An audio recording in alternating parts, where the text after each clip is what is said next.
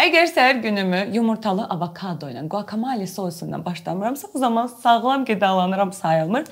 Özəlliklə chia toxumu içməyəcəmsə, yeməyəcəmsə, mən sağlam qidadan çox-çox uzağam sayılır. Bəli, ninja mamalar bu günləri Ninja atalar məni öldürməsin. Bəli, ninja valideynlər. Bu günləri sağlam qidadan danışırıq. Daha doğrusu bu günlərdə olan sağlam qida biznesi və marketinqindən danışacağıq. Qonağım Fərid Səfərovdur. Xoş gəlmisiniz Fərid bəy. Çox sağ olun. Minnətdaram dəvət eləmisiniz. Maraqlı giriş idi Həva xanım. Düzdür, əslində hal-hazırda aktual mövzulardan biridir və tez-tez sosial şəbəkələrdə bizim qarşımıza çıxır ki, bəs mütləq qida rasionunda avokado olmalıdır, chia toxumu olmalıdır və s. Ümumiyyətlə bunun biznes tərəflərinə çox da toxunmaq istəmirəm. Mən istəyirəm ki, sırf qida tərəflərinə Eynə. toxunum, qida dəyərlərinə toxunum.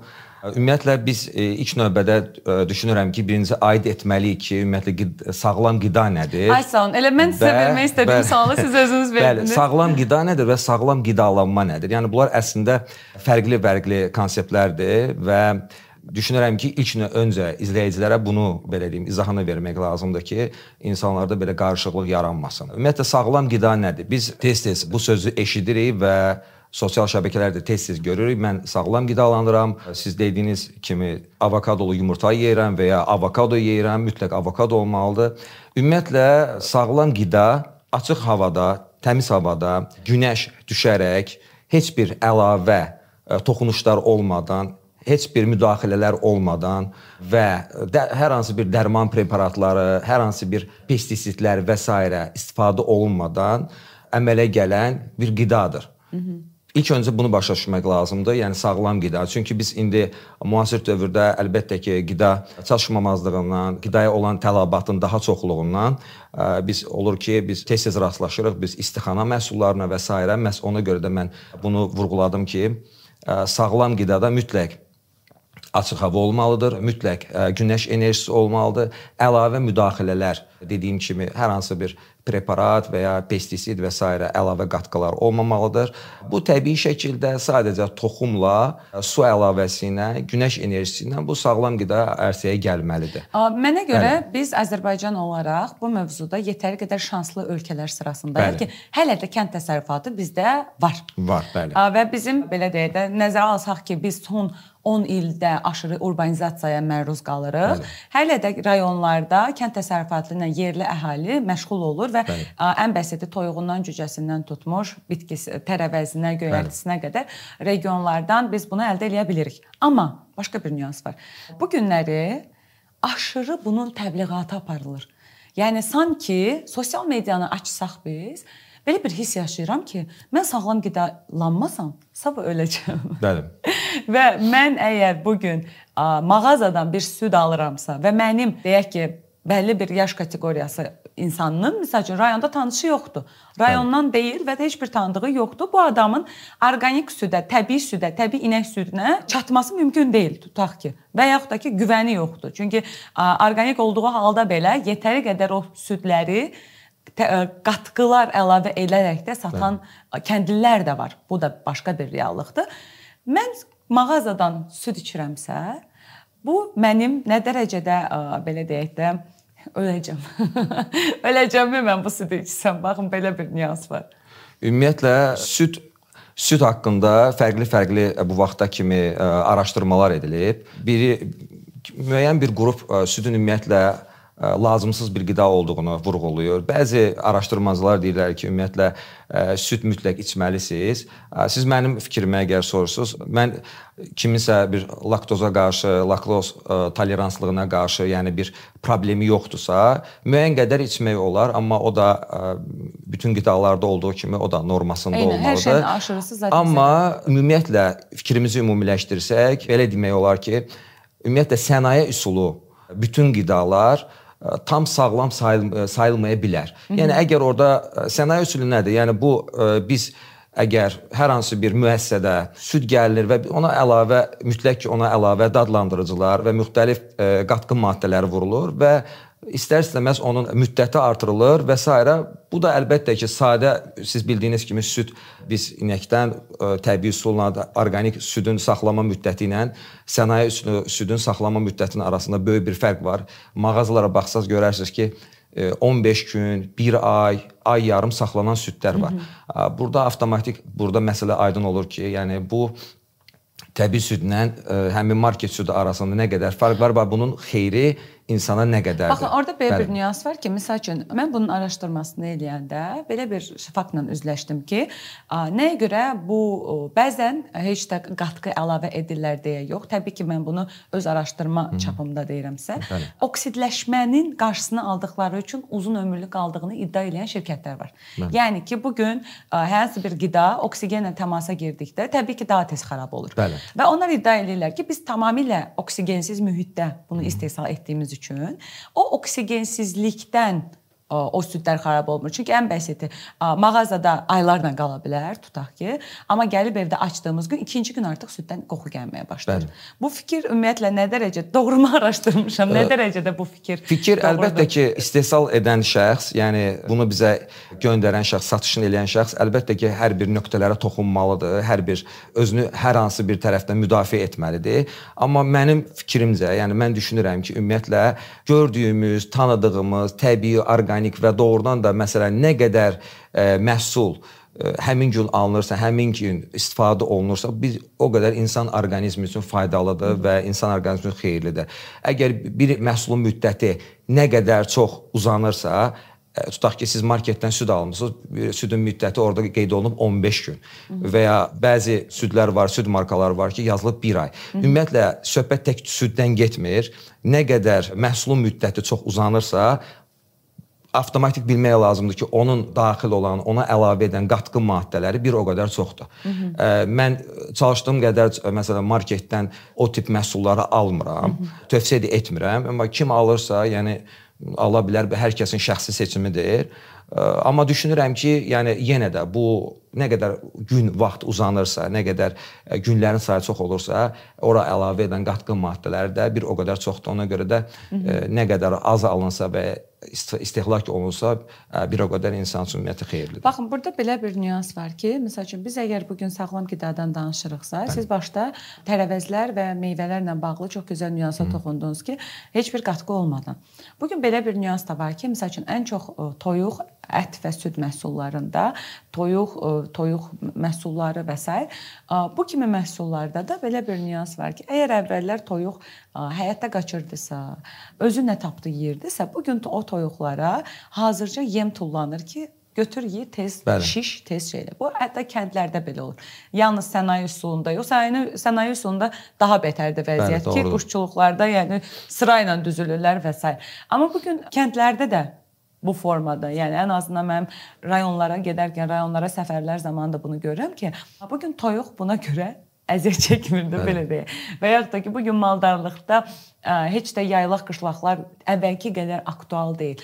Və bu nə dərəcədə belə deyək də, sualımın əsas məğzi nədir ki, nə dərəcədə hazırki кейslə toyuq məhsulları, ət məhsulları sənaye üsulu ət məhsullarından daha sağlamdır. Sağlamdırmı?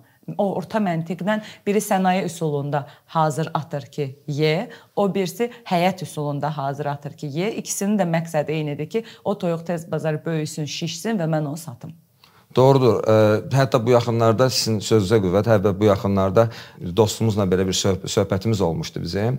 Dedi ki, bəs mən filan yerdən rayonun adını çəkdim. Bəs mən Gədəbəydən Gədəbəy kartofu alıram bəs Fərid Gədəbəy kartofu bilirsən də, oranın kartofu əladır, idealdır və s. Dedim, bəs sən oradan Gədəbəy kartofu almısan, okey, yəni ona mən bir şey demirəm, amma mən bir Gədəbəyli ilə söhbət elədim. O dedi ki, bəs biz yerli məhsuldur. Biz özümüz biz bunu yəni əvvəlkilər əvvəlki kartoflar kimi böyüdürük. Eyni şeylər, gübrələri vururuq və s.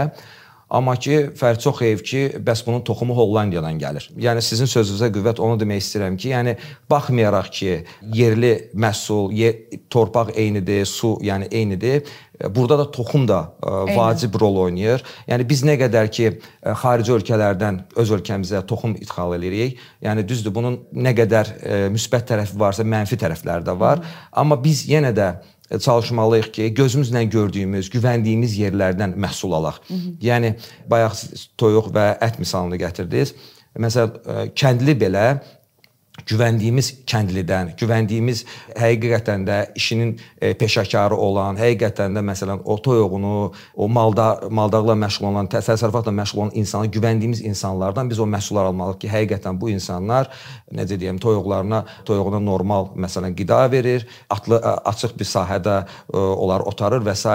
Yəni bu vacibdir. Yəni biz onu müşahidə et etməsək, yəni o izlənəbilirlik məsələsi var. Eynən. Biz onu nə qədər çox yaxından izləyiriksə, nə qədər çox güvəniriksə, bizim onlardan təbii və həmin o orqanik məhsulu almağımız e, bizim üçün bu qədər o qədər faydalı olur. Əgər e, bayaq avokado misalı gətirdiniz, avokado da o eyni hə, o, o eyni misaldır. Ümumiyyətlə müəssisələr, müəssisələr olsun, ümumiyyətlə hər hansı bir qida olsun, onun bizim izlənə bilirliyimiz nə qədər çox uzanırsa, məsafə nə qədər çox uzanırsa, onun bizə faydası bir o qədər azalır. Aysan, sözünüzə qüvvət. Bu gün avokado bizdə ya yetişdirilir parnik üsulu ilə, ya da bizə gəlir Ekvadordan gəlir, bəli, bəli, səhv eləmirəmsə.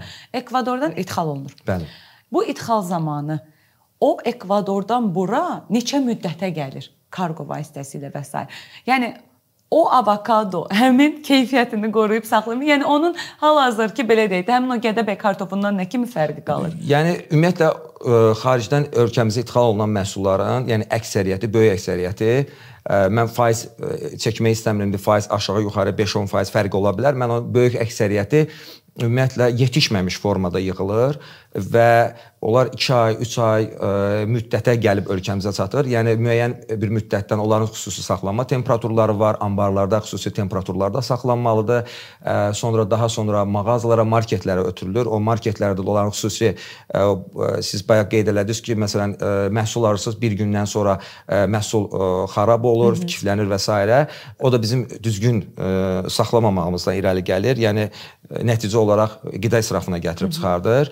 Yəni nə qədər uzun yol qət eləyirsə, nə qədər çox uzun yol gəlirsə, biz o qədər faydası bizə azalır və ondan da əlavə e, ümumiyyətlə yetişməmiş bir şeyin, yəni 2-3 ay içərisində bura gəlməyi, təzədən buradan yetişməyi Yəni o Nə dərəcədə faydalı? Hə, fayda faydası əlbəttə ki, müəyyən qədər faydası var. Əgər ə, biz yerli məhsuldan ə, həmin faydanı bir 90% alırıqsa, digər məhsullardan, yəni görmədiyimiz məhsulda ki biz o başqa bir ölkədə o yetişdirilir, hansı formada yetişdirilir, hansı şəraitdə saxlanılır, kim hansı kim yetişdirir, ona hansı ə, əlavə pestisitlər, hansı gübrələr, hansı Hı -hı. dərmanlar vurulub, biz bunu müşahidə eləyə bilmirik və məlumatımız yoxdur. Onların da çünki hər bir ölkənin özünün xüsusi qaydaları Hı -hı. var, prosedurları var. Həmin qaydalara əsasən o məhsullar yetişdirilir. Biz onu görə bilmirik, müşahidə eləyə bilmirik və bir ona görə də biz ə, belə deyim, riskimiz artır. Hı -hı. Çalışmaq lazımdır ki, yerli məhsul alaq.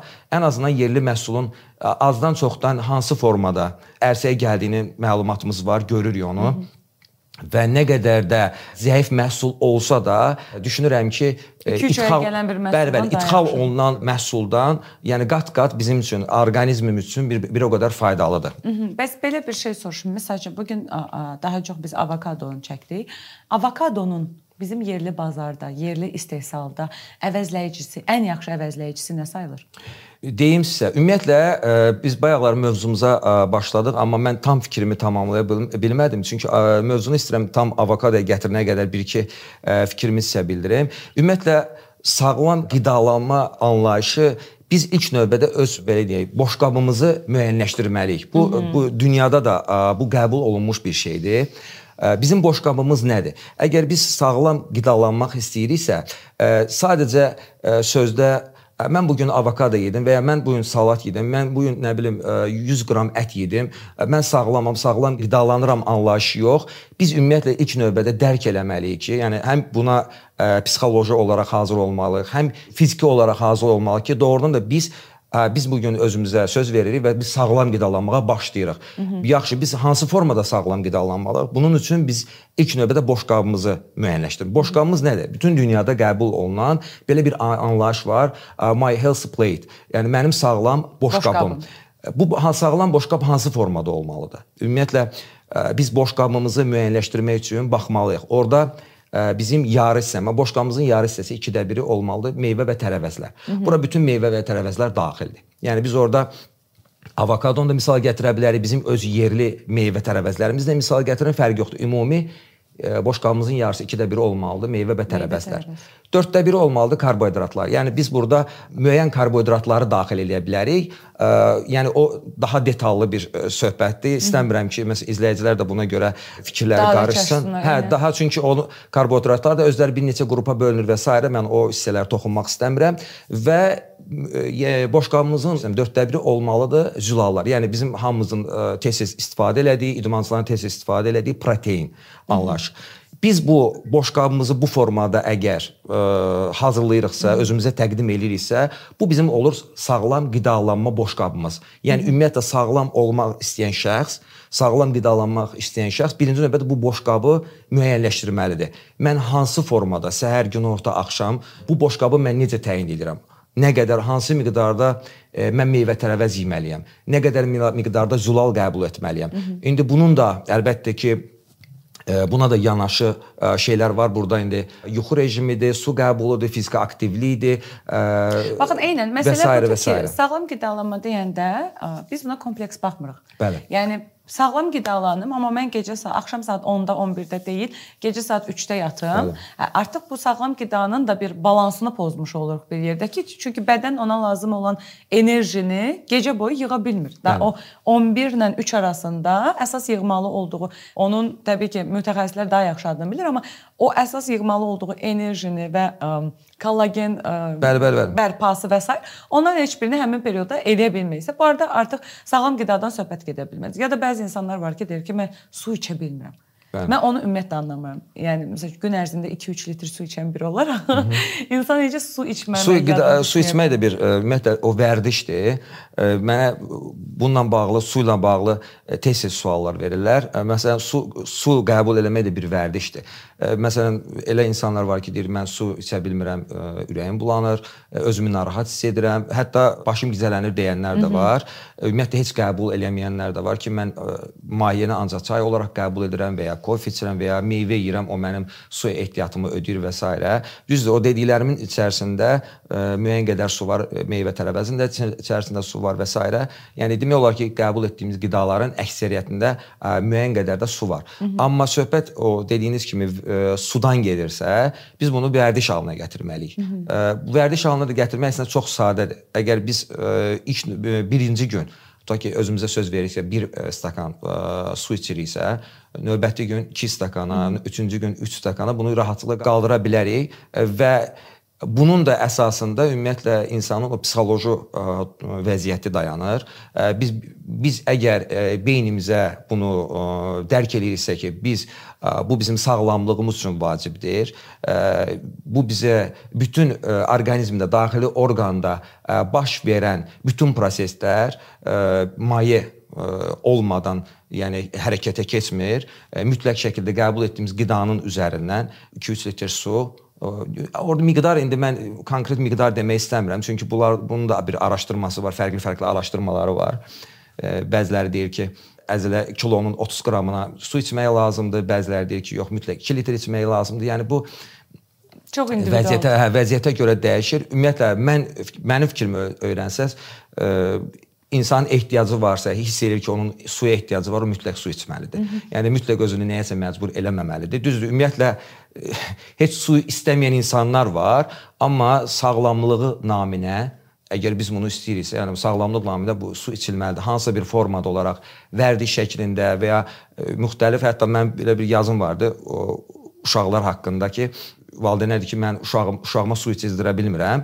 Onu çox rahat şəkildə dedim ki, müxtəlif rəngli sürahilərə su qoy, ə, e, qoymaq lazımdır, uşağa onu izah etmək lazımdır. Müxtəlif o rəngli sürahilər o uşağı su içməyə belə deyim maraq gətirir və s.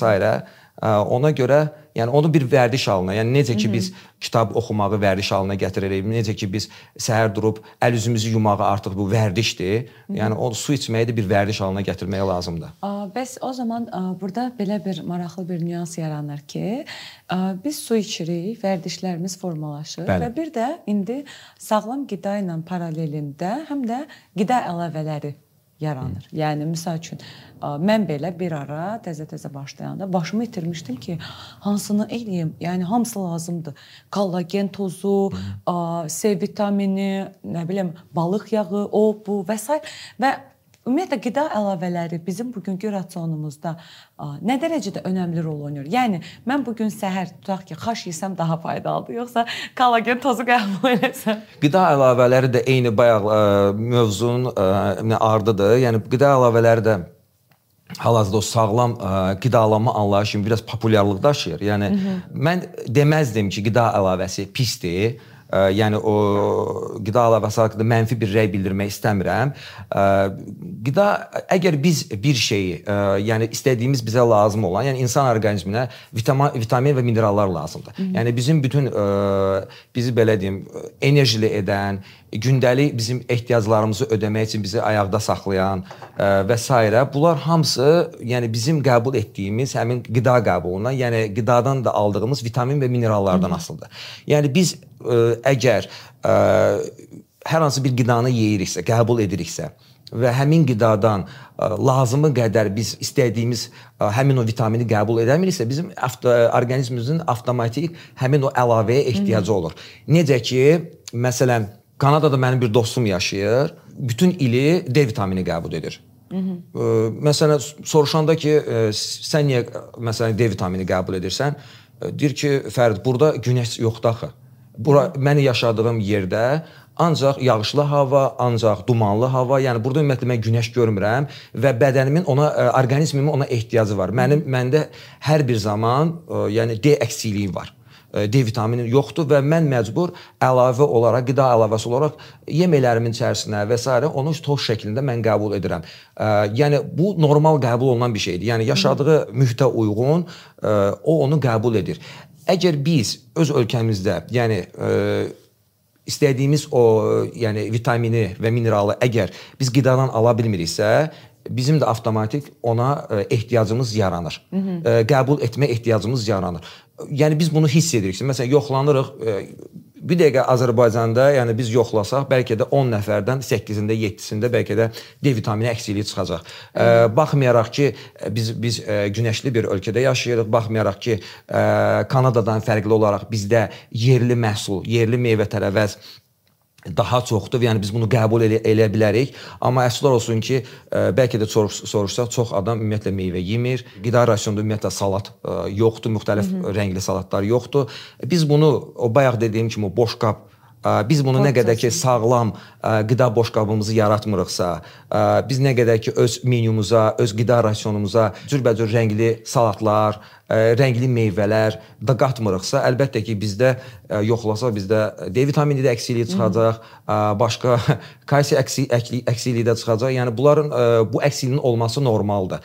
Yenə də əgər bizim o meyvə, tərəvəz qəbuluna ə, qəbul edə bilmiriksə, hər hansı bir şəraitimiz yoxdursa, yəni biz məcburiyyət qarşısında o əlavəni qəbul edə bilərik. Hı -hı. Əgər məcburiyyət yoxdursa, yəni biz Kanadada yox, ölkədə yaşayırıqsa və hər bir şey əl çatandırsa, ala biliriksə, ə, düşünürəm ki, qida əlavəsindənsə, ə, yəni o da müəyyən bir sənayədə hazırlanıb, ə, biz onun ə, hazırlanmasında iştirak eləməmişik, məlumatımız yoxdur və üstündəki göstəricilər nə qədər ə, realdır və ə, düzgündür biz onu bilmirik. Və düşünürəm ki, yenə də doğru bildiyimiz hə doğru qidalanma, doğru qidalanma eləsək, yəni o qida əlavəsinə ehtiyac qalmayacaq. Ehtiyac qalsa da müəyyən bir miqdar 10%, 20% istifadə etmək olar. Çalışmaq lazımdır ki, o boş qabımızı düzgün ə, belə deyim, ə, formaya gətirək. Onu eləsək mənə elə gəlir ki, yəni ehtiyac qalmayacaq. Bax burada bu gün Bayaqlar çox gözəl bir nüansa toxundunuz ki, yaşadığımız coğrafiyada. Bəli. Bizim yaşadığımız coğrafiyada çay və göl balıqları daha aktualdır. Çünki biz okeana çıxışımız yoxdur. Hı -hı. Amma bilirik ki, okean məhsulları daha faydalıdır və belə deyək də, məsəl üçün bu gün niyə biz balıq yağı içirik? Tutaq ki, məs at, məsəl üçün bir nümunə verəcəm. Norveçdəki balığın yağ kütləsi ilə bizdəki balığın yağ kütləsi arasında çox ciddi fərqlər Bəli. var. Və o balıq daha faydalıdır, nəinki bu balıq. Və bu gün yaşadığımız coğrafiyadan asılı olaraq hər birimizin balıq yağı qəbul etməyimiz və yaxud da ki, hansı balığı məs üstün tutmalıyıq. Məsəl üçün marketlərə gedirik, qızıl balıq doludur, farel var və sair və sair balıq nümunələri var. Amma bu gün bizim yaşadığımız coğrafiyada qızıl balıq nə qədər sağlam balıq növü sayılır əslində? Ümumiyyətlə balıqların ə, hər biri faydalıdır. Yəni ə, ümumiyyətlə qida rasionunda, həftəlik qida rasionunda ə, bizim mütləq 2 dəfə, minimum 2 dəfə balıq məhsulu yeməyimiz lazımdır. Necə ki biz ət, e, salatlara, meyvə-tərəvəzə e, qida rasionunda yer veririksə, balığa da mütləq şəkildə həftədə 1-2 dəfə yer vermək lazımdır. O da əlbəttə bizim e, yəni deyirəm o vəziyyətimizə uyğundur, yəni imkanımıza uyğundur, amma mütləq olmalıdır. Sizin suala gəldikdə isə qızıl balıq var hal-hazırda e, Xəzər dənizində bildiyimiz kimi bu biraz e, azalmağa doğru gedir. Ona görə də bizim rayonlarımızda hal-hazırda e, qızıl balıq, nərə balığı sinifinə daxil olar. Artırma balıq artırma yerləri mövcuddur. Bəli, mövcuddur. Faydalıdır. Yemək olar, amma bunun haqqında mən hər hansı bir mənfi rəy və ya müsbət hər hansı başqa bir rəy bildirmək istəmirəm. E, fikirləşirəm ki, donmuş məhsuldansa yerli məhsul və bizim bildiyimiz məhsul donmuş məhsuldan fərqli olaraq, yəni bizim bildiyimiz məhsulu alıb yemək. E, daha faydalı olar. Yəni yenə də o bəli Norveçdən gələn e, bura dondurulmuş məhsullar var, balıq məhsulları var, marketlərdə də görürük. İmkana uyğun, vəziyyətə uyğun bizim öz yerli məhsullarımızı alsaq, yesək, e, uyğun hesab edirəm. Podkastın sonunda belə bir sual vermək istəyirəm ki, bəs bu gün Fərid bəyin bir gününün sağlam qidası dedikdə bu necə bir bölgü təşkil edir? Səhər, günorta, axşam və aralıq olmaqla bilmək istəyərdik. Mən bayaq dediyim boş qaba tam riayət edirəm. Səhər mütləq su içirəm, səhər duran kimi su içirəm. Yəni ən azından bu detallara getsə ən azından 3 stakan ilıq su, bu belə deyim saat hardasa 8-ə qədər çəkir. Və ondan sonra iş yerinə çatandan sonra müəyyən bir səhər yeməyi var ki, həmin səhər yeməyi bizim bildiyimiz adi ağ pendirdir, zeytundur, yaşıl zeytundur və buğdadan hazırlanmış çörəkdir. Mən onu məsələn bir dilim qəbul edirəm və günorta saatlarında saat 12-1 arası 3-4 pors meyvə qəbul edirəm. Günorta standart yemək, standart yemək dediyim, yəni bayaq o boş qaba çalışıram ki, riayət edim və mütləq günorta yeməyimdə mütləq salat ə, mütləq şəkildə olmalıdır və ət və ya toyuq məhsulu yanında ə, karbohidrata aid nəsə, məsələn bu ə, bulğur ola bilər, ə, qarabaşaq ola bilər, ə, kompleks karbohidratlara daxildir. O mütləq ə, qəbul olunmalıdır. Ə, axşam yeməyində isə və bu aralarda əlbəttə ki, sular, ə, su ə, maye qəbulu davam eləyir. Ə, axşama doğru maye qəbulunu biraz azaldıram. Bu da hər kəsə tövsiyə olunandır. Ona görə ki, axşam bu bizi gecə yatanda narahat eləməsin bizdə problem yaratmasın. Şişkinlik və s. Yəni axşam e, ümumiyyətlə 7-8 mən bu aralar ki, yəni yatmağa doğru saat əgər biz ə, e, hesabımızı götürürük saat 11-də, məsələn, maksimum 11-ə qədər yatırıqsa, bizi narahat eləməsin deyə biraz axşama doğru 2-3 e, litri çalışmaq lazım ki, saat 7-yə 8-ə qədər bitirəsiz ki, ondan sonra o narahatçılıq yaratmasın. Axşam da yenə eyni boşqaba riayət edirəm. Salat mütləq şəkildə olmalıdır. Ə, çalışdığım qədər axşam biraz yüngül qidalanıram. Orda ə, balıq məhsulu da ola bilər və ya hər hansı bir toyuq məhsulu olar və ümumiyyətlə olmaya da bilər. Yəni ola bilər ki, biz mən bu mən günorta bunu qəbul edim və axşam sadəcə salatla kifayətlənim bu bəs, formada. Ə, bəs bu gün məsəl üçün sizin gündəlik səhər yeməyinizdə ə, yumurta eşitmədim. Bəli. Amma bu gün bir çox sağlam qida mütəxəssisləri bildirir ki, günə ən azı bir yumurta tükətmək Hı. lazımdır. Bəli. Bu mifdir ya doğruluq payı nədir burada? Bu mif deyil. Ə, yəni gün yumurta ümumiyyətlə yemək lazımdır, amma insanlar var ki, məsələn, yumurtaya qarşı həssaslığı var, Hı -hı. onlarda allergik reaksiyalar baş verir və s. Mən özüm də hər gün olmasa da nəzərə alsaq ki, o da zülaldır Hı -hı. və günorta da hər hansı bir biz zülal, zülal tərkib, protein tərkibli nəsə bir məhsul qida məhsulu qəbul edirik. Ona görə hər gün olmasa da mən həftədə 3 dəfə, 4 dəfə, yəni bir gün arayla qəbul edirəm. O dediyiniz kimi yumurtanın hansı şəkli, bişmə şəkli orada önəmli deyil. Hı -hı. Yəni bunu hər bir formada zövqə uyğun bişirib yemək olar. Yəni o dediyiniz kimi mif ola bilər. Yəni o fərqi yoxdur. Qaynanmış formada və yağda hazırlanmış formada Əgər orqanizm qəbul edirsə, orqanizm buna ehtiyacı varsa, normaldır, qəbul etmək olar. Yəni insan birinci özü öz həkim özü öz adam öz, özünün həkimi olmalıdır və hiss eləməlisən ki, doğrudan da bunun bu qidanın ehtiyacı var, orqanizmin ehtiyacı var və bunu qəbul etmək məncə normal sayılır. Son sualımı da verim və podkastımızı yekunlaşdıracağam. Ümumiyyətlə biz deyirik ki, hər şey beyində başlayır Hı -hı. və podkast boyu siz də bu mövzulara getdiniz, qayıtdınız və o mövzuya toxundunuz. Və bu gün bəzi kitablar var ki, hansı ki bizim fit qalmamız üçün, sağlam qidalanmamız üçün və s. üçün bildirir ki, hər şey beyində başlayır. Bəli. Yəni bizim yan yeməyə yanaşmamız necədirsə, yeməyin bizim bədənimizdə verdiyi yan etki də bir növ elə olur. Məsəl üçün bir kitabdan oxumuşdum ki, müəllifin adını çəkməyəcəm. Bir kitabdan oxumuşdum ki, bəziləri yemək üçün yaşayır, bəziləri yaşamaq üçün yeyir. Bəli. Məsələn, mən o kitabı oxuduqdan sonra baxdım ki, mən həqiqətən də sağ qalmaq üçün yemək yeyənlərdənəm. Hı -hı. Yəni amma bizim cəmiyyətimiz Məsəl üçün ən basitdə biz əyləncə deyirik, yeyib içməyə gedirik. Biz hər hansı bir şənlik deyirik, yeyib içməyə gedirik. Hə. Biz istirahət deyirik, yeyib içməyə gedirik. Bəli, doğrudur. Və yetəri qədər kalorili bir mətbəximiz var.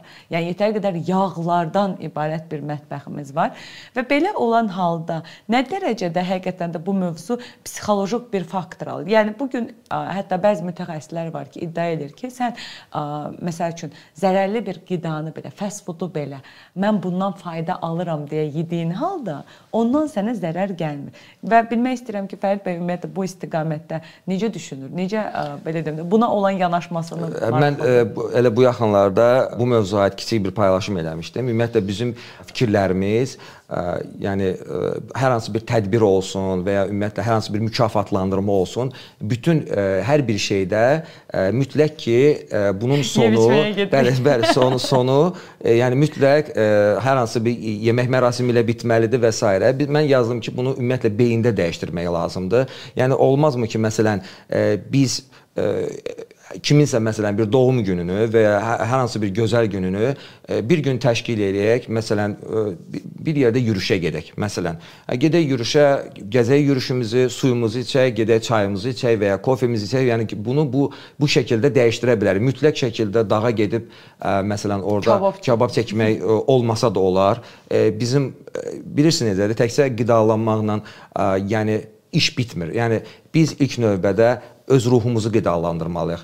E, məsələn, e, həftədə bir dəfə dəniz qırağına gedib gəzmək olar. Hı -hı. O insan beynini sakitləşdirir. Yəni bizim ruhumuzu qidalandırır. Bizim bir, gərək ruhumuz birinci, yəni ona e, qidalandıraq ki, olsun. bəli, ruhumuz sağlam olmalıdır ki, yəni biz sağlam düşünməyə başlayaq. Bəli, burada beyin e, ümumiyyətlə bütün orqanizmimizi beyin idarə edir. E, əgər biz məsələn beynimizə ə, vursaq ki, hə, məsələn mən bu gün sağlam qidalanmağa başlamalıyam, ə, beynimiz onu əgər qəbul etsə, doğrudan da ə, ola bilər ki, bizim iradə gücünə və beyin ə, gücümüzə biz bunu başlaya bilərik. Bayaq dediyiniz fikir ə, mən ə, mütləq şəkildə ə, fast, fast food yeyib və beynimə qoyuramsa, yox bu mənə ə, xeyirlidir. Ə, beyin o formada düşünür. Ə, yəni düşünürəm ki, ə, bununla mən razılaşmıram. Orda bilirsiniz, müəyyən bir ə, e, qatqı maddələri var. Ə, e, insanlar ə, e, nəzərə alsaq ki, insanı, yəni bizi ümumiyyətlə bizim hormonlarımız idarə edir və bütün yediyimiz qidalar da birbaşa bizim hormonlarımıza təsir edir. Yəni biz beynimiz nə qədər onu ə, tənzimləsə də, amma nəticə olaraq ə, bizim Hormonlar yediyimiz hər bir hər bir qida hormonlarımıza təsir edir və nəticə olaraq bizi hormonlarımız yəni yoldan çıxardır, yəni belə deyək. Çox təşəkkür edirəm Buyurun, Fərid bəy. buyurun. Çox maraqlı bir müzakirə oldu. Çox sağ olun. Belə Ninja mamalar, əgər sizin də bu mövzu ilə bağlı təcrübəniz, fikirləriniz, neqativ və ya pozitiv bir ə, nüanslarınız varsa, qeydləriniz varsa, rəy bölməsində gözləyəcəm. Qeyd eləyim ki, bugünkü mövzumuz sağlam qida biznesindən idi. Çünki bilirəm ki, sizin də bir çoxlarımız kimi, elə mənim kimi də beyniniz çox qarışmışdı ki, axı mən nə yeyim bu sağlam qida sayılsın. Ümid edirəm ki, bu 15-20 dəqiqəlik podkast ərzində ən azı suallarınızın 10%-nə də olsa cavab verə bildik. Növbəti podkastlarda görüşənə qədər hələlik özünüzə yaxşı baxın.